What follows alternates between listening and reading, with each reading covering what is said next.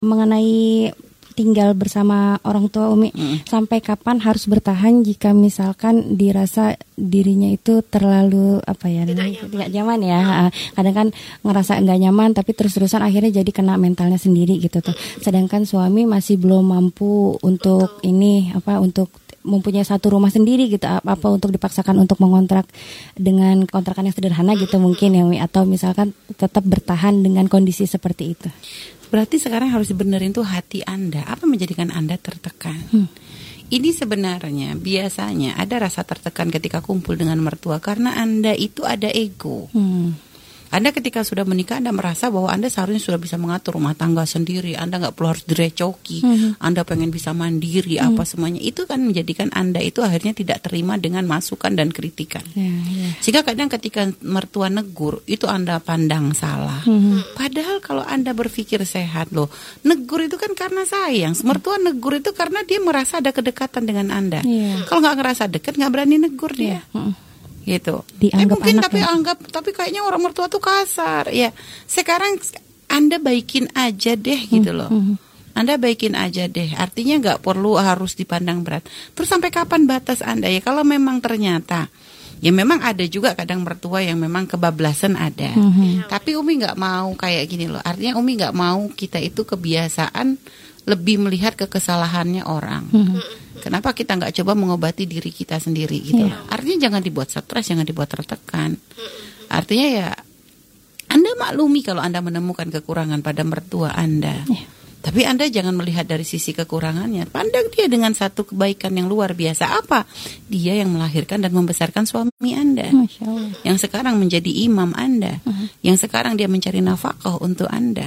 Harusnya Anda bisa menghargai dong. Ya. Ibarat yang dulu ngurusin dia waktu kecilnya siapa? Mertua Anda. Mhm. Yang ngegedein sampai sekarang bisa nikah dengan Anda itu perjuangannya siapa? Ya perjuangan mertua Anda.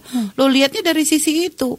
Jangan ngerasa ini suami hak saya. Lah ini loh kadang bukan apa ya? Ada kadang kesetresan seorang menantu ketika bergabung sama mertua. Ini kadang kadang kesalahannya adalah pada pada menantu tersebut. Dia yang tidak bisa beradaptasi. Kadang ada tuntutan pengen mandiri, pengen pisah, pengen gini, akhirnya menjadikan dia tidak mensyukuri dengan apa yang ada di depannya. Ya kalau sekarang suami Anda nggak mampu, udah begitu eh, Anda paksakan berpisah rumah dengan mertua Anda dengan kondisi suami tidak mampu. Kecuali kalau suni udah berkaitan dengan syariat. Contoh, memang akhirnya mohon maaf ada sebagian mertua punya sifat aneh misalnya, yang dia mungkin mengadu domba antara Anda dengan suami Anda sehingga akhirnya gara-gara di situ Anda jadi ribut terus. Oh kalau begitu Anda har- harus mencari solusi. Karena biasa ada sol- mertua yang sakit juga ada. Tapi Umi sebelum kita menyalahkan orang, Umi pengen kita sendiri membenahi diri kita gitu loh Mas Umi. Umi nggak mau dikit-dikit kita tuh mengkambing hitamkan apa-apa yang tidak enak di diri kita itu dengan kesalahan orang lain gitu loh. Padahal sebenarnya penyakitnya ada pada kita. Gitu loh. Akhirnya kita menjadikan kita susah ya kalau kalau penyakitnya di kita mau tinggal di mana pun sama tinggal dengan mertua nggak enak tinggal dengan suami pun nggak bakalan enak karena penyakitnya di kita gitu loh. kitanya nggak bisa mangkas ego kita itu loh Ya. Makanya sebelum kita menyalahkan orang lain, salahkan dulu diri kita. Umi pengennya kita tuh dalam hidup tuh seperti itu.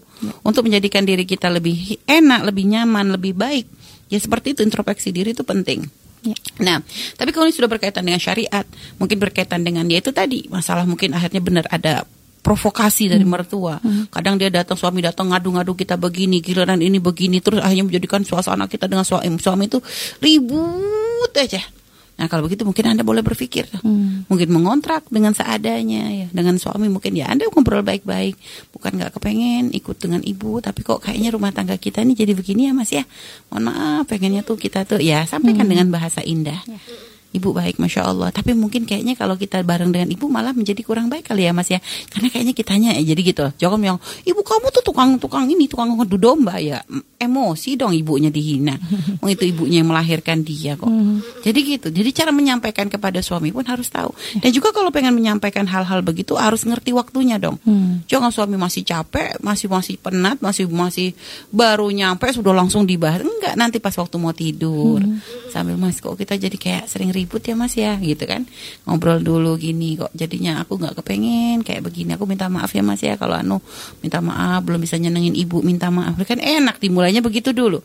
Jadi suami pun nerima masukan kita itu dengan senang. Bukan langsung dari awal kita udah langsung nyalakan ibunya. Kamu sih mas nggak tegas jadi suami kan sudah emosi lagi dia. Walaupun mau tidur hilang ngantuknya itu. Ya, jadi gitu. Makanya kadang menyampaikan perlu cara menyampaikan yang baik, Hmm. memilih momen yang baik. Kalau memang kondisinya benar-benar sudah tidak mungkin kita bertahan. Ya. Tapi kalau ternyata kesalahan masih ada di kita karena kita kurang pengertian ya kita rubah dong. Jangan langsung dikit-dikit maksain. Pokoknya aku nggak mau di rumah ini lagi. Pokoknya begini. Ini nanti menjadikan nggak enak. Seandainya pindah pun suami anda nggak bakal nyaman. Karena dia pindah pun bukan karena dengan hatinya, dengan hatinya. Ya, karena sudah daripada ribut dengan anda. Tapi nanti di rumah anda pun nanti akan ada masalah baru lagi. Terlepas dari mertua, nanti masuk ibaratnya keluar lubang buaya, masuk lubang singa gitu loh. Anda akan terus menemukan masalah jika Anda tidak memperbaiki hati Anda, gak memperbaiki diri Anda gitu loh. Makanya biasakan introspeksi diri, berubah sifat-sifat tidak baik pada diri kita. Jangan merasa gengsi dengan itu semua. Kalau ini adalah untuk kebaikan kita, kenapa enggak? Ya.